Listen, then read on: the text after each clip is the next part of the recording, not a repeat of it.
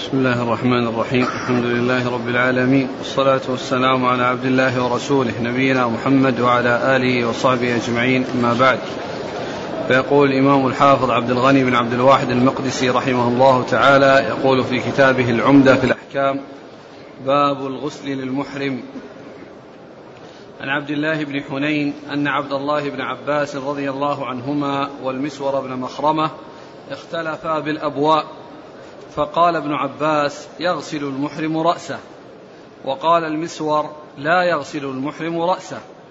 قال فأرسلني ابن عباس إلى أبي أيوب الأنصاري رضي الله عنه فوجدته يغتسل بين القرنين وهو يستر بثوب فسلمت عليه فقال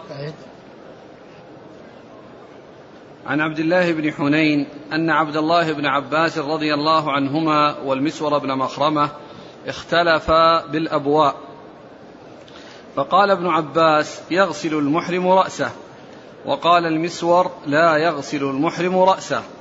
قال فأرسلني ابن عباس إلى أبي أيوب إلى أبي أيوب الأنصاري رضي الله عنه فوجدته يغتسل بين القرنين وهو يستر بثوب. فسلمت عليه فقال من هذا؟ قلت أنا عبد الله بن حنين.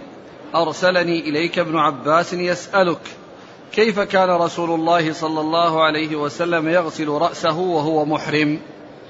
فوضع أبو أيوب يده على الثوب فطأطأه حتى بدا لي رأسه ثم قال لإنسان يصب عليه الماء اصبب فصب على رأسه ثم حرك رأسه بيديه فأقبل بهما وأدبر ثم قال هكذا رأيته صلى الله عليه وسلم يفعل. وفي رواية فقال المسور لابن عباس لا أماريك أبدا. القرنان العمودان اللذان تشد فيهما الخشبة التي تعلق عليهم عليها البكرة. بسم الله الرحمن الرحيم. الحمد لله رب العالمين وصلى الله وسلم وبارك على عبده ورسوله نبينا محمد وعلى آله وأصحابه أجمعين. أما بعد فيقول الإمام عبد الحافظ المقدسي رحمه الله باب في الغسل للمحرم. أي أن المحرم له أن يغتسل في حال إحرامه. يعني سواء كان يعني إن كان إن كان حصل له احتلام فهذا لا بد منه. وإلا فإنه يسوغ له ذلك ويجوز له أن يغتسل. لا يقال إن الإنسان إذا كان محرما أنه يترك الاغتسال من أجل أنه يعني آه أن فيه لئلا يكون مترفها بالاغتسال. نعم لا يكثر الاغتسال الذي يكون فيه متنعما ولكن كونه يغتسل إذا حصل له وسخ أو حصل له يعني في جسده شيء فإنه لا بأس بذلك. يغتسل ويغسل رأسه. يغتسل ويغسل رأسه. فالغسل المحرم سائق. بالنسبة لل... وهذا إنما هو في في المستحب أو في الأمر الذي ليس بلازم. أما ما كان لازما كالاغتسال من الجنابة إذا احتلم فإن ذلك لا بد منه. ولكن إنما الكلام في الاغتسال الذي هو ليس بلازم وإنما هو مستحب أو للتبرد أو لكونه يزيل وسخا يعني حصل لجسده ذلك لا بأس به. و ومن المعلوم أن المغتسل يغسل رأسه وغسل الرأس يعني يكون فيه احتمال سقوط الشعر. إذا حركه بقوة احتمال أنه يسقط. فيقول عبد الله عبد الله بن عبد الله بن حنين. عبد الله بن حنين يقول اختلف عبد الله بن عباس والمسور بن مخرمة وهما وهما بالأبواء في غسل في غسل اغتسال المحرم. فقال ابن عباس يغتسل المحرم وقال المسور لا يغتسل المحرم. فأرسلني ابن عباس إلى أبي أيوب الأنصاري رضي الله عنه فوجده يغتسل عند الركية عند ال عند بالأبواء يغتسل في الأبواء اختلفا بالأبواء يعني اختلفا في الأبواء فأرسله إليه فوجده يغتسل. والإغتسال وجده يغتسل عند عند عند القرنين. بين القرن والقرنان هما عمودان أو عودان يغرسان في الأرض على الركية التي القليب التي فيها الماء. ثم يوضع في طرف الخشبتين اللتين غرستا في الأرض خشبة أو حديد يربط بينهما وتكون البكرة في ذلك الذي بينهما والبكرة هي التي يوضع عليها الحبل أو الرشاء الذي يمتح فيه بالماء يمتح فيه يعني الدلو يمتح فيه يستخرج الماء من من من البئر فيكون يعني بسحب هذا الحبل والحبل تدور البكرة التي في في أعلى القرنين حتى تظهر الدلو ثم يؤخذ. يعني بدل من كونه يعني يمتح بيده وهو واقف ويقف في ذلك مشقة يعني كونه يسحب من فوق البكرة والبكرة تدور والدلو تخرج حتى تصل إلى إلى تخرج من البئر فيتناولها الناس.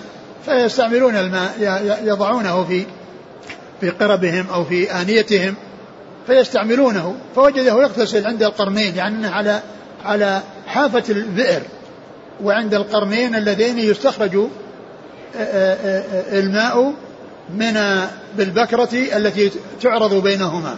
البكرة التي تكون بينهما على حديدة أو على خشبة يعني بحيث يستخرج بها الماء فجده يغتسل. فسأله فسلم عليه وسأله عن قال كيف يغتسل؟ كيف يغتسل كيف كان يغتسل رسول, رسول نعم. الله صلى الله عليه وسلم وهو محرم؟ كيف يغسل رأسه؟ كيف كان يغتسل رسول الله صلى الله عليه وسلم وهو محرم؟ وهذا يفيد أن ابن عباس رضي الله عنه كان عنده علم يعني باغتسال الرسول صلى الله عليه وسلم لكنه أراد لكنه أراد أو سأل عن كيفية غسله رأسه وهو في حال إحرامه. يعني كيفية غسله في حال إحرامه. لأن هذا هو الذي فيه الإشكال. يعني من ناحية أن أنه في تحريك الشعر وأن الشعر قد يسقط. فسأل عنه. فطأطأ وكان يشتر بثوب. فوضع يده على الثوب فطأطأه يعني نزل حتى بدا رأسه. بدا رأسه فصار يتمكن من رؤيته وهو من وراء الثوب لأنه بدا رأسه. وقال لرجل يصب عليه أن يصب عليه فجعل يعني يعني يحرك يده على رأسه يقبل بها ويدبر. يحرك رأسه بيده يقبل يقبل بها ويدبر. فدل هذا على أن المحرم يغتسل وأنه يغسل رأسه وأنه يحرك رأسه أو شعر رأسه بيديه وأنه يقبل بهما ويدبر حتى يكون ذلك وصل إلى جميع الشعر يقبل بهما ويدبر يعني حتى يكون غسل المقدم وغسل المقدم مؤخر وأن اليدين مرتا على هذا وعلى هذا على مقدمه وعلى مؤخره ليحصل النظافة وليزول ما به من وسخ. يعني لا سيما مع طول المدة وطول المكث يعني والإنسان في إحرامه. فبين أبو فقال هكذا رأيت رسول الله صلى الله عليه وسلم. فكان ذلك بيانا بالفعل. كان ذلك بيانا بالفعل. ثم بينه بالقول بقوله هكذا. رأيت رسول الله صلى الله عليه وسلم. يعني بين ذلك قولا وفعلا. الفعل كونه يحرك يديه يقبل وما يدبر. والقول هو كونه قال هكذا رأيت رسول الله صلى الله عليه وسلم. فبين سنة الرسول عليه الصلاة والسلام بالفعل. وأنه رأى النبي عليه الصلاة والسلام يفعل هذا الفعل. وفي الحديث دليل على ما كان عليه سلف هذه الأمة من من المدارسة للعلم والمساءلة فيه والبحث فيه ومعرفة الحق بدليله فإن كل من ابن عباس والمسور مخرمة آه هذا قال إنه يغتسل وهذا قال لا يغتسل وكل منهم اجتهد ولعل المسور لما قال لا يغتسل خشية أو ظن أنه آه، لكون الشعر إذا آه، يعني غسله قد يؤثر في سقوطه فكان يرى أن لا يغتسل. وأما ابن عباس فرأى أن مثل ذلك أنه لا يؤثر وأنه لا مانع منه وأنه لا مانع منه وقد يكون عنده علم بسنة الرسول صلى الله عليه وسلم. ولهذا السؤال الذي آه، أرسل النسوة وقال يسألك ابن عباس كيف كان يغسل رسول الله صلى الله عليه وسلم وهو محرم؟ يدل على أن عنده علم ولكنه أراد أن آه، يعني يتأكد من الكيفية ومن الهيئة التي كان يفعلها رسول الله عليه الصلاة والسلام من صحابي آخر.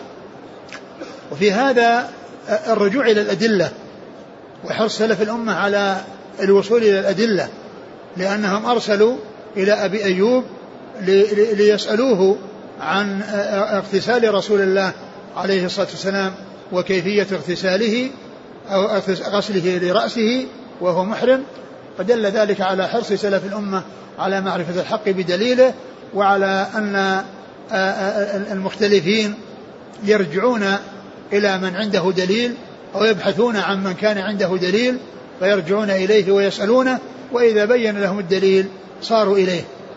ولهذا لما جاء وأخبرهم بما قاله أبو أيوب وبما فعله أبو أيوب رضي الله تعالى عنه قال وأن القول كما قال ابن عباس أنه يغتسل يعني قال لا أماريك أبدا يعني يعني شهد له بالفضل وشهد له بالفهم والمعرفة وأنه لا يجادله أو يماريه يعني بعد ذلك لما عنده من العلم فهذا يدل على معرفة على يعني إسناد الفضل إلى أهله وإلى الاعتراف بالفضل لأهله وهذا يدل على ما كان عليه أصحاب الرسول عليه الصلاة والسلام من مكارم الأخلاق وأن ال- الذي غلب ولم يكن القول يعني جاء موافقا لقوله اعترف لمن جاء الحق موافقا لقوله بالفضل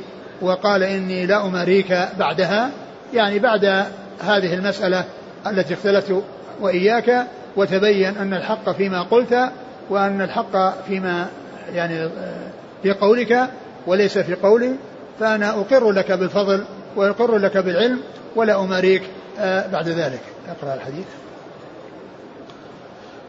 عن عبد الله بن حنين أن عبد الله بن عباس رضي الله عنهما والمسور بن مخرمة اختلفا بالأبواء فقال ابن عباس يغسل المحرم رأسه وقال المسور لا يغسل المحرم رأسه.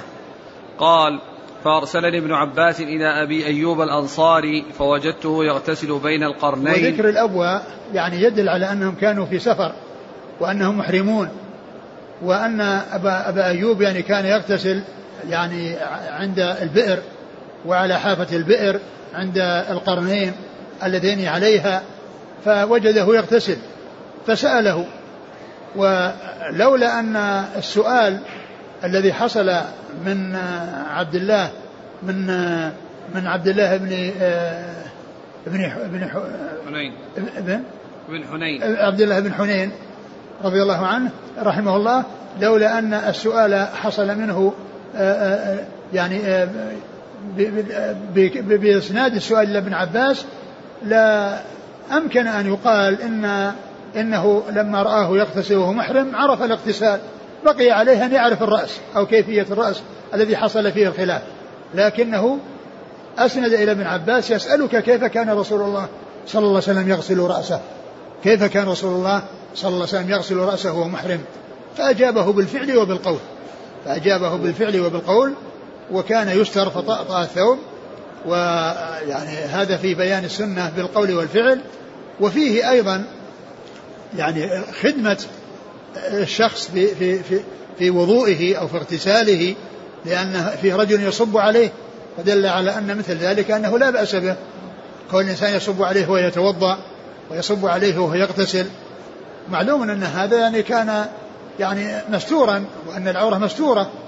لا يعني يقال أن أن أن أن, أن, أن, أن فيه شيء يعني لا يليق لأنه جاءت جاءت السنة. احفظ عورتك عن إلا عن زوجتك أو ما ملكت يمينك. احفظ عورتك إلا من زوجتك وما ملكت يمينك. أما من سوى الزوج وملك اليمين فإنه لا بد من حفظ العورة عنه ولا بد من ستر, ستر العورة عنه. ف و ومثل هذا ما حصل للمغيرة بن شعبة مع الرسول عليه الصلاة والسلام في غزوة تبوك فإنه كان يصب عليه وهو يتوضأ. يصب عليه وهو يتوضأ. فيدل هذا مساعدة الإنسان في وضوءه وفي في في في اغتساله أن ذلك لا بأس به لأنه جاءت به السنة عن رسول الله عليه الصلاة والسلام في آه، قصة المغيرة بن شعبة.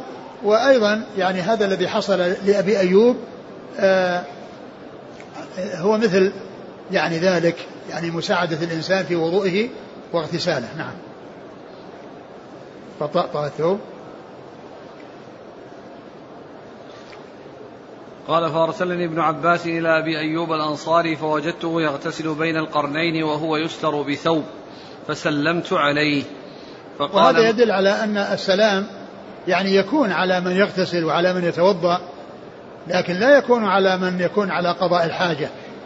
من كان على قضاء الحاجة لا يسلم عليه وهو يقضي حاجته وإنما من كان مغتسلا أو متوضئا فإنه يسلم عليه و و ويرد.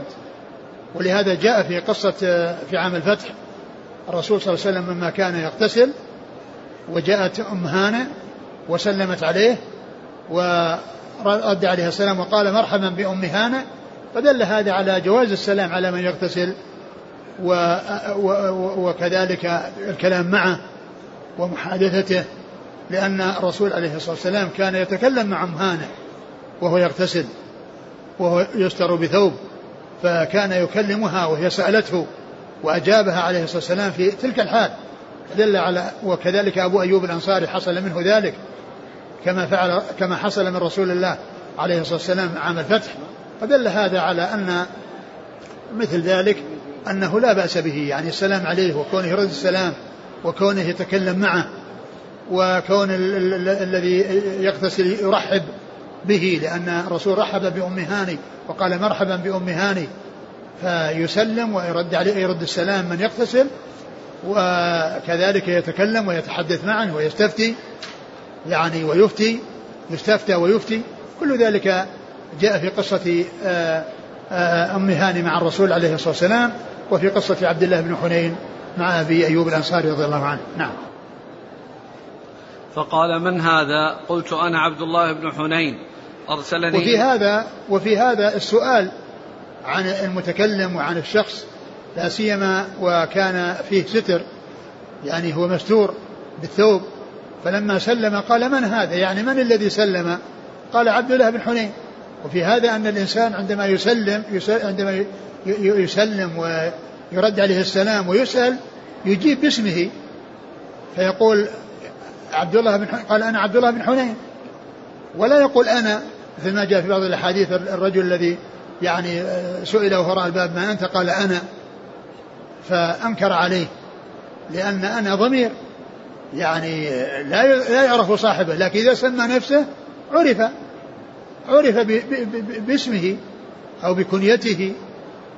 يعني آه، يعني هذا هو الذي على الإنسان إذا سأل من من وراء حجاب أو أو سئل من وراء حجاب من أنت سواء من وراء خيمة أم وراء ستر أم وراء باب فإنه يسمي نفسه فيقول أنا فلان.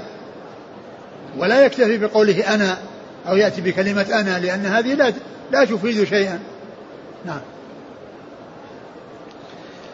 أرسلني إليك ابن عباس يسألك كيف كان رسول الله صلى الله عليه وسلم يغسل رأسه وهو محرم؟ فوضع أبو أيوب يده على الثوب فطأطأه حتى بدا لي رأسه ثم قال لإنسان يصب عليه الماء اصبب فصب على رأسه ثم حرك رأسه بيديه فأقبل بهما وأدبر ثم قال هكذا رأيته صلى الله عليه وسلم يفعل. نعم يحرك رأسه بيديه ليحصل التنظيف. يعني المقصود يعني من كونه يغتسل للنظافة. فيعني يكون هناك أوساخ يعني يزيلها بالماء وتحريكه تحريك الرأس باليدين. تحريك الرأس باليدين. لكن لا ينبغي أن يفعل فعلا شديدا يسقط معها الشعر. ولو حصل فإنه لا يؤثر. نعم. وفي رواية فقال المسور لابن عباس لا أماريك أبدا. يعني بعدما رجع وأخبرهم وأن الجواب مطابق لما قاله ابن عباس يعني أذعن له وعرف الفضل له وقال لا أمريك بعدها أبدا. لا أمريك بعدها أبدا أنت أعلم مني وأن أنت عندك العلم فأنا لا أماريك بعدها. نعم. القرنان العمودان اللذان تشد فيهما الخشبة التي تعلق عليها البكرة. نعم تشد بهما الخشبة. يعني والخشبة تغرس الخشبة تغرس في الأرض وقد تكون هي ذات يعني آه، آه، قد لا تكون عودين مستقلين وإنما تكون يعني عود واحد في أصله ولكن يظهر منه شعبتان. يظهر منه شعبتان. ثم البكرة تشد في أعلى القرنين اللي هن العودان اللذان آه، في طرف يعني هذه الخشبة التي لها أصل ولها فرعان فتكون في أعلى الفرعين يعني آه، تشد البكرة. يعني بينهما تكون على حديد أو على شيء قوي بحيث أنه إذا مشى عليه البكرة وتحركت البكرة بالثقل الذي يكون بالشيء الذي آه، يخرج بواسطتها يعني آه، لا لا ينكسر فيعني هذا هو المقصود وكان يغتسل على حافة الركية أو حافة البئر التي عليها هذان القرنان نعم. مشط الشعر. مشط الشعر يعني بالمشط يعني هذا في الغالب إنه يحصل منه خروج شعر أو تقطيع شعر. يعني فالاولى أن الإنسان ما يفعله. لكن إذا إذا احتاج إليه مثل ما حصل لعائشة فإنها كانت محرمة. وقد يعني يعني مشطت شعرها يعني استعملت المشط. لكن الإنسان يستعمله برفق. وإن سقط شيء لا يؤثر. قال رحمه الله تعالى باب فسخ الحج إلى العمرة. عن جابر بن عبد الله رضي الله عنهما أنه قال أهل النبي صلى الله عليه وسلم وأصحابه بالحج وليس مع أحد منهم هدي غير النبي صلى الله عليه وسلم وطلحة رضي الله عنه وقدم علي رضي الله عنه من اليمن فقال أهللت بما أهل به النبي صلى الله عليه وسلم فأمر النبي صلى الله عليه وسلم أصحابه أن يجعلوها عمرة فيطوفوا ثم يقصروا ويحلوا إلا من كان معه الهدي. فقالوا ننطلق إلى منى وذكر أحدنا يقطر فبلغ ذلك النبي صلى الله عليه وسلم فقال لو استقبلت من أمري ما استدبرت ما أهديت ولولا أن معي الهدي لأحللت. وحاضت عائشة رضي الله عنها فنسكت المناسك كلها غير أنها لم تطف بالبيت. فلما طهرت طافت بالبيت. قالت يا رسول الله تنطلقون بحجة وعمرة وأنطلق بحج. فأمر عبد الرحمن بن أبي بكر رضي الله عنهما أن يخرج معها إلى التنعيم فاعتمرت بعد الحج. ثم ذكر باب فسخ الحج إلى العمرة. ال ال ال ال ال الإنسان عندما يأتي الميقات أمامه ثلاث مناسك أنساك الإفراد التمتع والقران والإفراد. التمتع بأن يحرم بالعمرة من الميقات. وإذا وصل مكة طاف وسعى وقصر وتحلل منها. التحلل الكامل الذي يحل معه كل شيء حتى النساء. فإذا جاء اليوم الثامن أحرم بالحج وذهب إلى منى ثم عرفه وأكمل أعمال الحج حتى حتى ينتهي. وعليه هدي إن كان مستطيعا وهو شاة أو سبع بدنه أو سبع بقرة وإن لم يستطع صام ثلاثة أيام في الحج وسبعة إذا رجع إلى أهله. كما جاء بذلك كتاب الله عز وجل وسنة رسوله صلى الله عليه وسلم. آه، حديث عائشة. حديث جابر. حديث جابر رضي الله عنه قال هل رسول الله وأصحابه بالحج؟ يعني أنهم هم ذهبوا للحج واتجهوا إلى مكة للحج وليسوا كلهم على نسك واحد. فمنهم القارن ومنهم المفرد ومنهم المعتمر المتمتع ولكنهم كلهم حجاج. كلهم حجاج. والنبي صلى الله عليه وسلم لم يكن مفردا وإنما كان قارنا. وإنما كان قارنا. فهل بالحج أي مع العمرة؟ لأنه لم يكن مفردا عليه الصلاة والسلام وإنما كان قارنا للأدلة الكثيرة التي جاءت.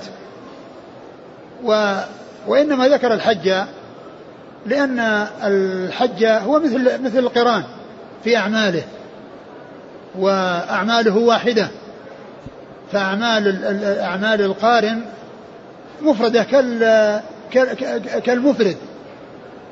لا فرق بين المفرد وبين القارن في الأعمال إلا أن هذا عليه هدي اللي هو القارن والمفرد لا هدي عليه. والقارن عند الإحرام ينوي حج عمرة والمفرد ينوي حجا فقط. وإلا الباقي كله سواء. فهي أعمال مفردة وأعمال واحدة. الطواف للحج والعمرة. طواف واحد للحج والعمرة. وسعي واحد للحج والعمرة. ولهذا قيل له قيران لأن النسكين مقترنان. ليس منفصلين كالتمتع. ليس منفصلين مقترنان. لا ينفك أحدهما عن الآخر. الطواف واحد والسعي واحد. الطواف واحد للحج والعمرة والسعي واحد للحج والعمرة. أما المتمتع عنده طوافان وسعيان وتحللان. عنده إحرامان وتحللان وطوافان وسعيان. يعني من ناحية التحللان يعني من ناحية الانتهاء. وإلا فهناك في الحج تحلل أول وتحلل ثاني وهذا لجميع الحجاج. لكن المتمتع عنده تحلل عند الفراغ من العمرة وعنده تحلل بعد رمي الجمرة. وعنده تحلل بعد رمي الجمرة. فالمتمتع عنده إحرامان وتحللان وطوافان وسعيان. والمفرد أو والقارن عنده إحرام يعني عنده إحرام واحد. كل منهما عنده إحرام واحد وتحلل يعني عند نهايته يوم العيد. وطواف واحد وسعي واحد يعني إحرام واحد وتحلل واحد وسعي واحد وحج واحد. هذا للقارئ والمفرد. أما قضية تحلل أول وتحلل ثاني كل الحجاج عندهم هذا. كل من رمى الجمرة فإنه يتحلل. إما يعني من الحج الذي قبله عمرة مستقلة وهو التمتع أو الحج المفرد أو القران الذي هو الجمع بين الحج والعمرة. والقرن بينهما أو الجمع بينهما.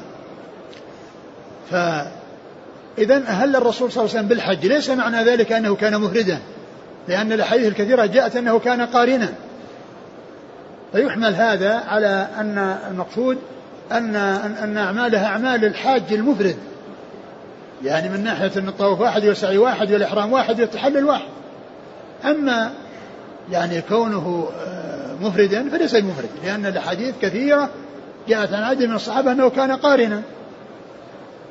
أنه كان قارنا صلوات الله وسلامه وبركاته عليه. أهل الرسول صلى الله عليه وسلم. وأصحابه بالحج. نعم. وليس مع أحد منهم هدي غير النبي صلى الله عليه وسلم وطلحة. يعني الذين معهم هدي ساقوه قليلون. والذين ليس معهم الهدي هم الكثيرون. لكن منهم من كان محرما بعمرة والتمتع المتمتع ومحرما بحج وعمرة والقران ومحرما بحج وهو الإفراد. فلم فلما وصلوا إلى إلى إلى, إلى مكة أرسل أمر أرشدهم النبي عليه الصلاة والسلام بأن من كان قارنا أو مفردا وليس معه هدي أن يفسخ إحرامه إلى عمرة ويكون متمتعا. يعني معناه أن الأنساك الثلاثة التي هي الإفراد والقران والتمتع التمتع ماشٍ على ما هو عليه. على ما هو عليه.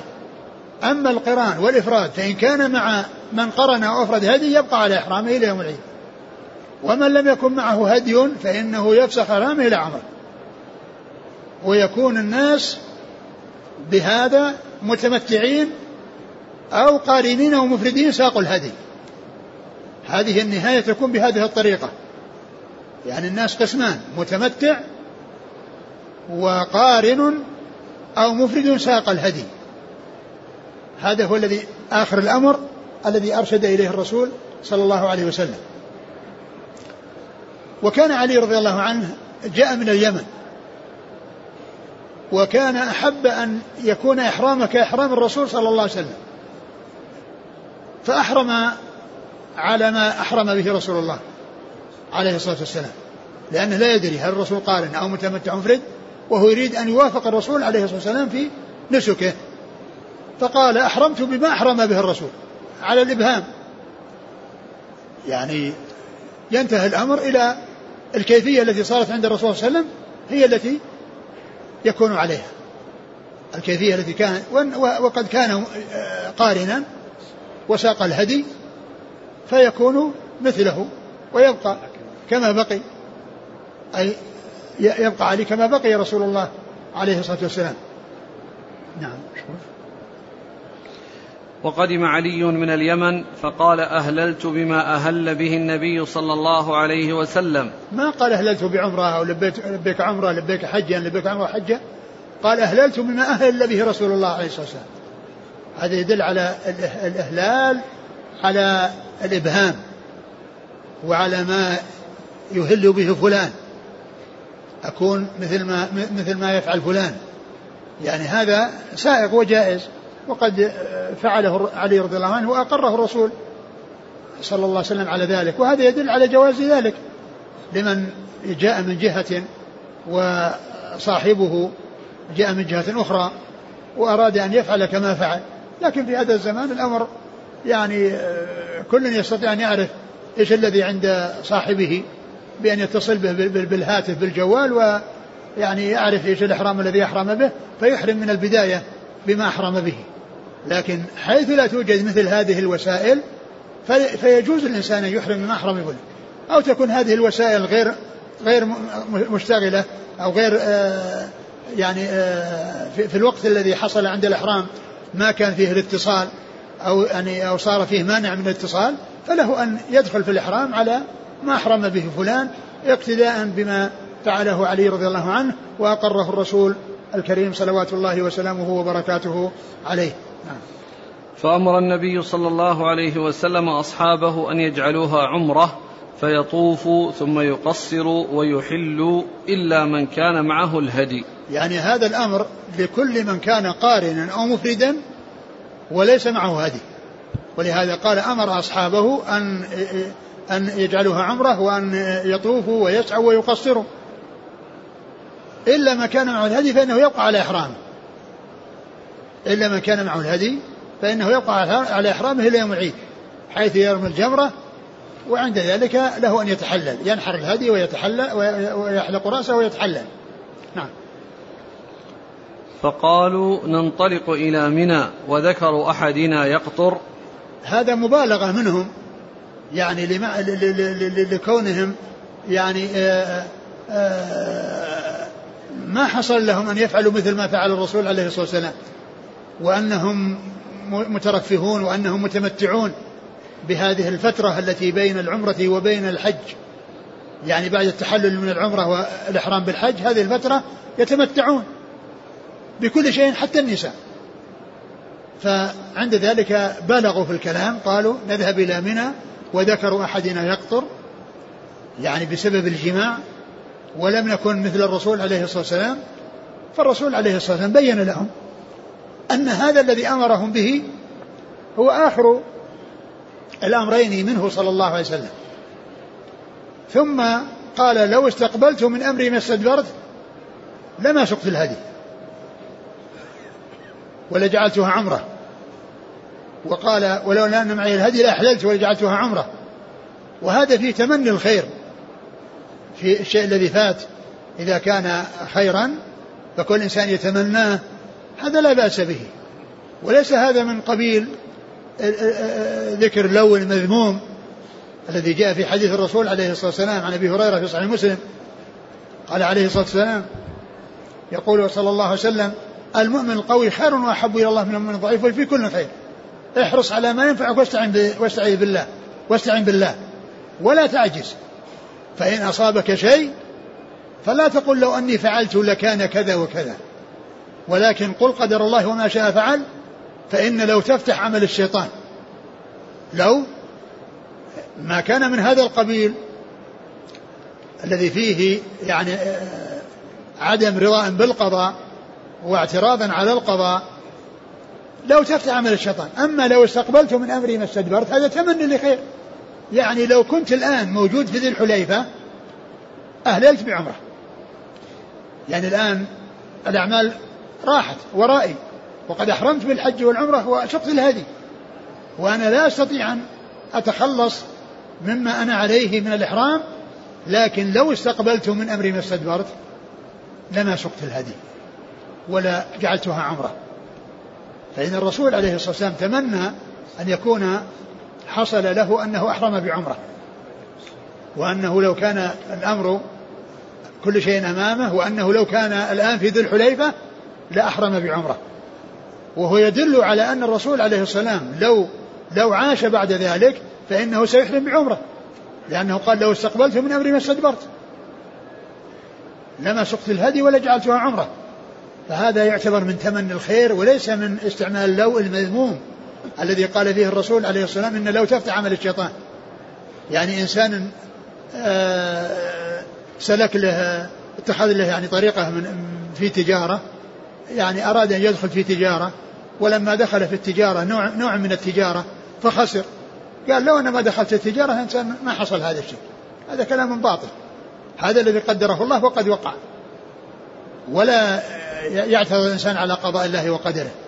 أو يكون إنسان سافر مع طريق كان عنده طريقان واختار أن يمشي في طريق فحصل له يعني مشكلة وحصل له حادث. قال لو أنا ما جيت مع الطريق وجيت مع الطريق الثاني ما حصل لي هذا. هذا كله كلام لا يجوز. لو تفتح عمل الشيطان. لكن لو استقبلت من أمري ما استدبرت لما سقط الحديث هذا ثمانية خير. لا بأس به. أقول لا بأس بذلك. فإذا فرق بين لو تفتح عمل الشيطان المذموم استعمال لو المذموم واستعمال لو في تمني الخير الذي جاء في الحديث ونحوه فإن ذلك لا بأس به. نعم أقرأ. فبلغ ذلك النبي صلى الله عليه وسلم فقال لو استقبلت من أمري ما استدبرت ما أهديت ولولا أن معي الهدي لا أحللت. يعني لو استقبلت من أمري ما أهديت يعني ما سقت الهدي. ولولا أن معي الهدي لا أحللت المتمتع عليه هدي. المتمتع عليه هدي لكن قوله ما أهديت يعني ما سقت الهدي. ولولا أن الهدي معي الآن لا أحللت لأن الرسول صلى الله عليه وسلم أمر من كان قارنا مفردا وليس معه هدي أن يفسخ حرامه إلى عمرة وأن يكون متمتعا. نعم. وحاضت عائشة فنسكت المناسك كلها غير أنها لم تطف بالبيت. فلما طهرت طافت بالبيت. عائشة رضي الله عنها كانت محرمة بعمرة متمتعة ليست قارنة ولا مفردة. وهكذا شأن أمهات المؤمنين كن متمتعات. فلما وصلوا إلى مكة المتمتعون وكذلك القارنون المفردون الذين حولوا إلى عمرة طافوا وسعوا وقصروا وأتوا بعمرة. والحج سيبدأون به يوم, يوم في اليوم الثامن من ذي الحجة. في اليوم الثامن من الحجة يبدأون بالإحرام بالحج. فما حصل لها الحيض حصل لها وبقي معها ولم تتمكن من دخول المسجد لتطوف وتسعى. وجاء الحج وخرج الناس إلى منى فالرسول أمرها بأن تحرم بالحج وتضيف إلى العمرة التي أحرمت بها من الميقات. وتضيف إلى العمرة التي أحرمت بها من الميقات. لأنها تكون بذلك قارنة. لأنها أحرمت بالعمرة من الميقات وأحرمت بالحج من مكة لأن الحج جاء ولم تتمكن من أداء العمرة. فصارت ليس أمامها إلا القران. ليس أمامها إلا القران. فأحرمت بالحج من يعني مكة ودخلت في في نسك الحج ولبت بالحج مضافا إلى العمرة التي لبت بها من المدينة من الميقات فصارت بذلك قارنة. وقبل أن تلبي بالحج هي متمتعة. لكن التمتع لا مجال لأنه جاء الحج. لا مجال للإتيان به للعمرة لأن الحج جاء والناس خرجوا للحج فلم يبقى إلا أن تكون قارنة. لا ترفض العمرة وتترك العمرة لأن العمرة أحرمت بها ومن أحرم بنسك فعليه البقاء عليه. ولكنها أضافت إليها الحج فصارت بذلك قارنة. فلما طهرت طافت بالبيت فقالت يا رسول الله تنطلقون بحجة وعمرة وأنطلق بحج. فأمر عبد الرحمن بن أبي بكر أن يخرج معها إلى التنعيم فاعتمرت بعد الحج. فلما طهرت يعني بعد الحج يعني وجاءت طافت بالبيت بعد يعني بعد أن رجعوا من من من من, من عرفة إلى منى فطافت بالبيت. وسعت بين الصفا والمروة. وسعت بين الصفا والمروة لأنها صارت بذلك قارنة. فهي طافت بالبيت وسعت. لكنها رأت أنها أحرمت بعمرة وأن الحيض منعها من, من كان سببا في عدم الإتيان بها وأن الذين كانوا متمتعين أتوا رجعوا بطوافين وسعيين وهي رجعت بسعي واحد وسعي وطواف واحد.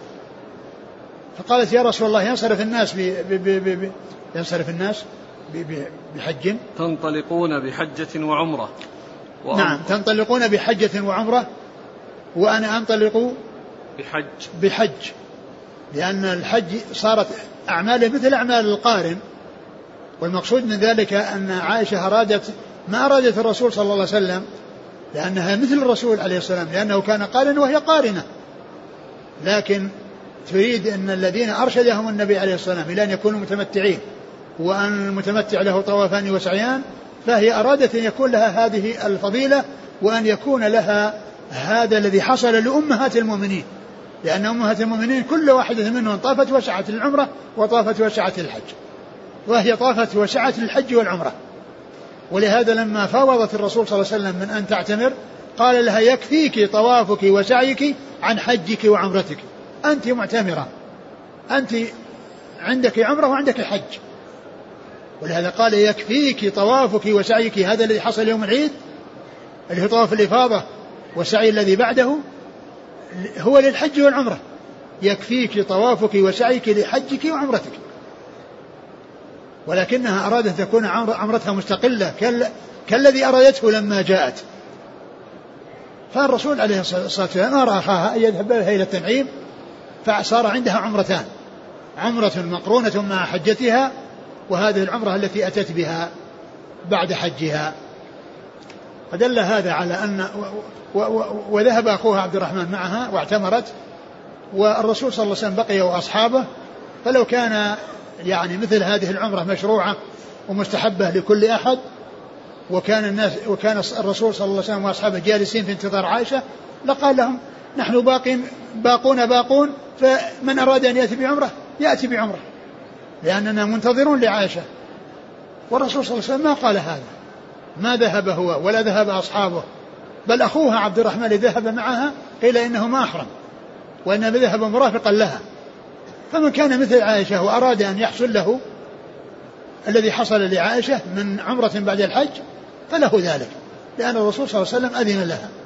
ثم إن إرسالها إلى الإحرام من خارج الحرم يدل على أن من كان بمكة لا يحرم بالعمرة من مكة وإنما يحرم بالعمرة من خارج الحرم لأن الإحرام بمكة بالحج مكة هم من كان في حكمهم من الوافدين اللي هم متمتعين.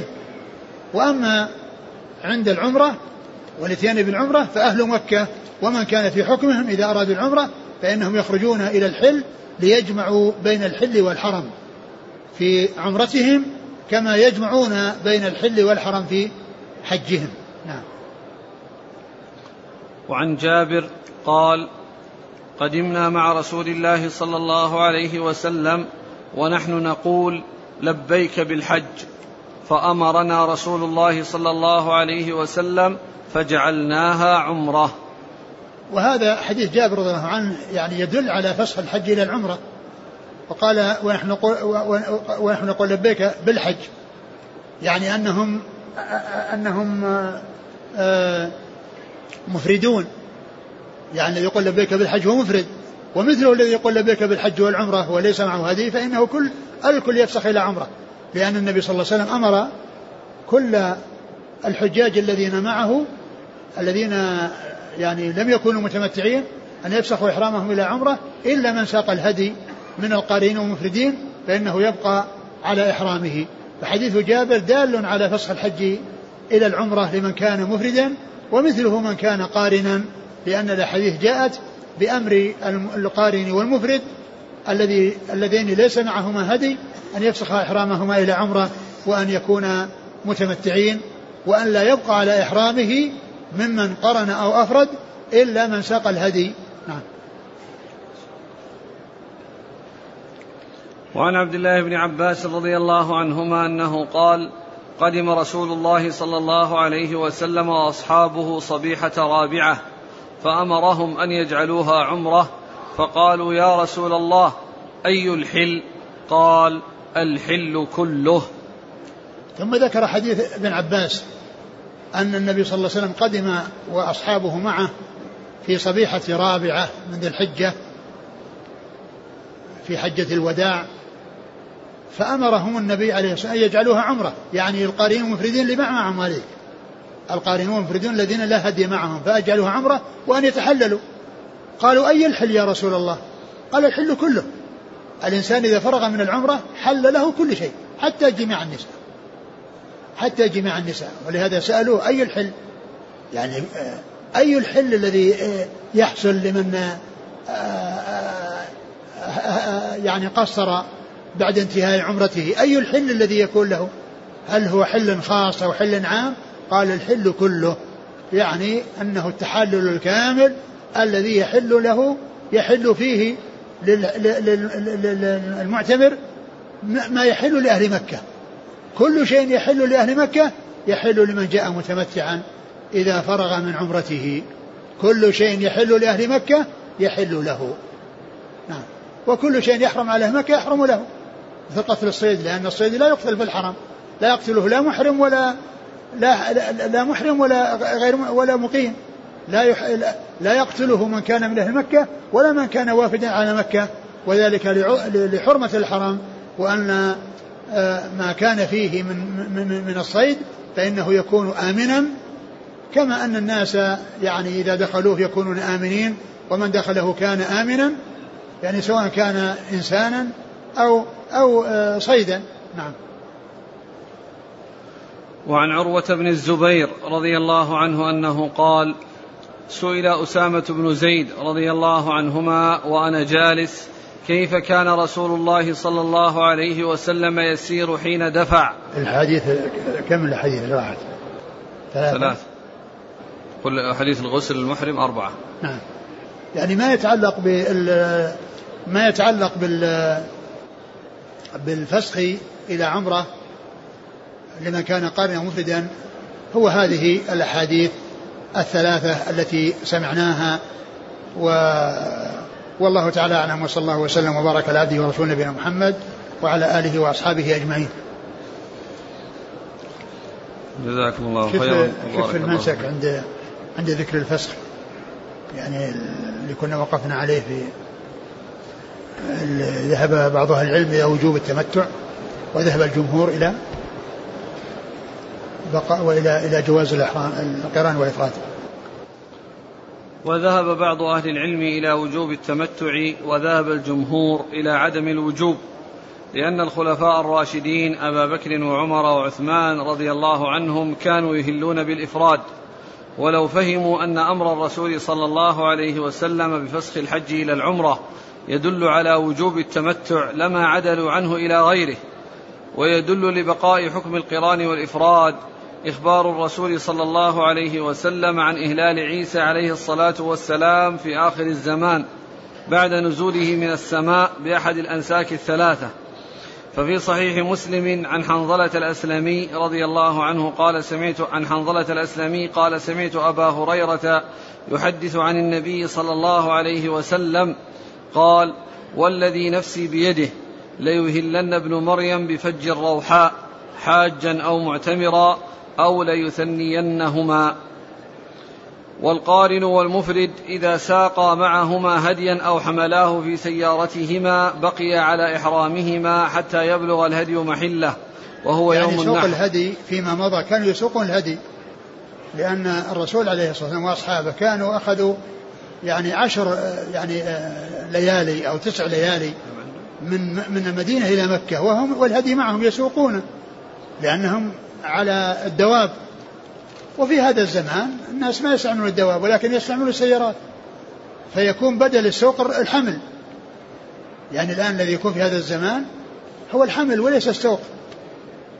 لأن الناس ما يمشون على على الدواب ويمكثون بين مكة والمدينة عشرة أيام كما فعل رسول الله عليه الصلاة والسلام. الآن عند الناس السيارات والطائرات فيذهبون بوقت قصير فسوقه بدل سوق حمله. هذا هو الذي يكون فيه السوق أو بدل السوق. نعم. فإذا ساق. والقارن والمفرد إذا ساقا معهما هديا أو حملاه في سيارتهما بقي على إحرامهما حتى يبلغ الهدي محله وهو يوم النحر وهو الذي فعله رسول الله صلى الله عليه وسلم في حجته. وإذا لم يسوقاه أو يحملاه فالأفضل في حقهما فسخ إحرامهما إلى عمرة لما تقدم من أمره صلى الله عليه وسلم بذلك. والمعتمر إذا ساق هديا أو حمله في غير أشهر الحج أو في أشهره ولم ينوي حجا نحر هديه إذا أتم عمرته. لأن النبي صلى الله عليه وسلم ساق الهدي في عمرة الحديبية وصده المشركون عن إتمام عمرته فنحر هديه في الحديبية. وإذا أحرم نعم بالعمرة الإنسان إذا المعتمر إذا ساق هديا في غير أشهر الحج في رجب أو في شعبان أو في رمضان فإنه يذبحه إذا انتهى من العمرة. إذا انتهى من العمرة يذبحه.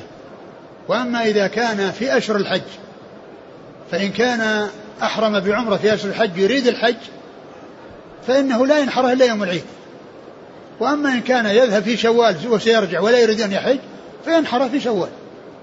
إذا ساق إذا حمل معه هديا ويعني وانتهى من عمرته لأنه لن يحج هذه السنة وإنما أراد أن يعتمر ويرجع ولا يريد الحج فإنه ينحر هديه يعني في عند فراغه من العمرة.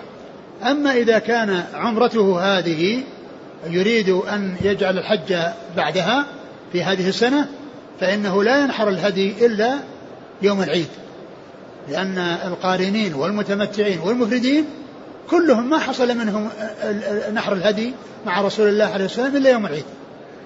ما حصل لهم يعني إلا يوم العيد. ما نحروا قبل ذلك وإنما نحروا في يوم العيد. فمن كان آه، حاجا سواء كان قارنا أو متمتعا فالنحر له يوم العيد. أما إذا كان جاء في أشهر الحج ولا يريد حجا ولكن يريد أن يأتي بعمرة فقط وينتهي فإنه ينحر هديه عند فرائه من العمرة. نعم. وإذا أحرم بالعمرة متمتعا وقد ساق الهدي أو حمله أحرم بالحج مع العمرة فكان قارنا وبقي على إحرامه إلى يوم النحر. هذا إذا كان يريد أن يحج. من أحرم بعمرة وهو يريد الحج فإنه يضيف الحج إلى العمرة ويكون قارن.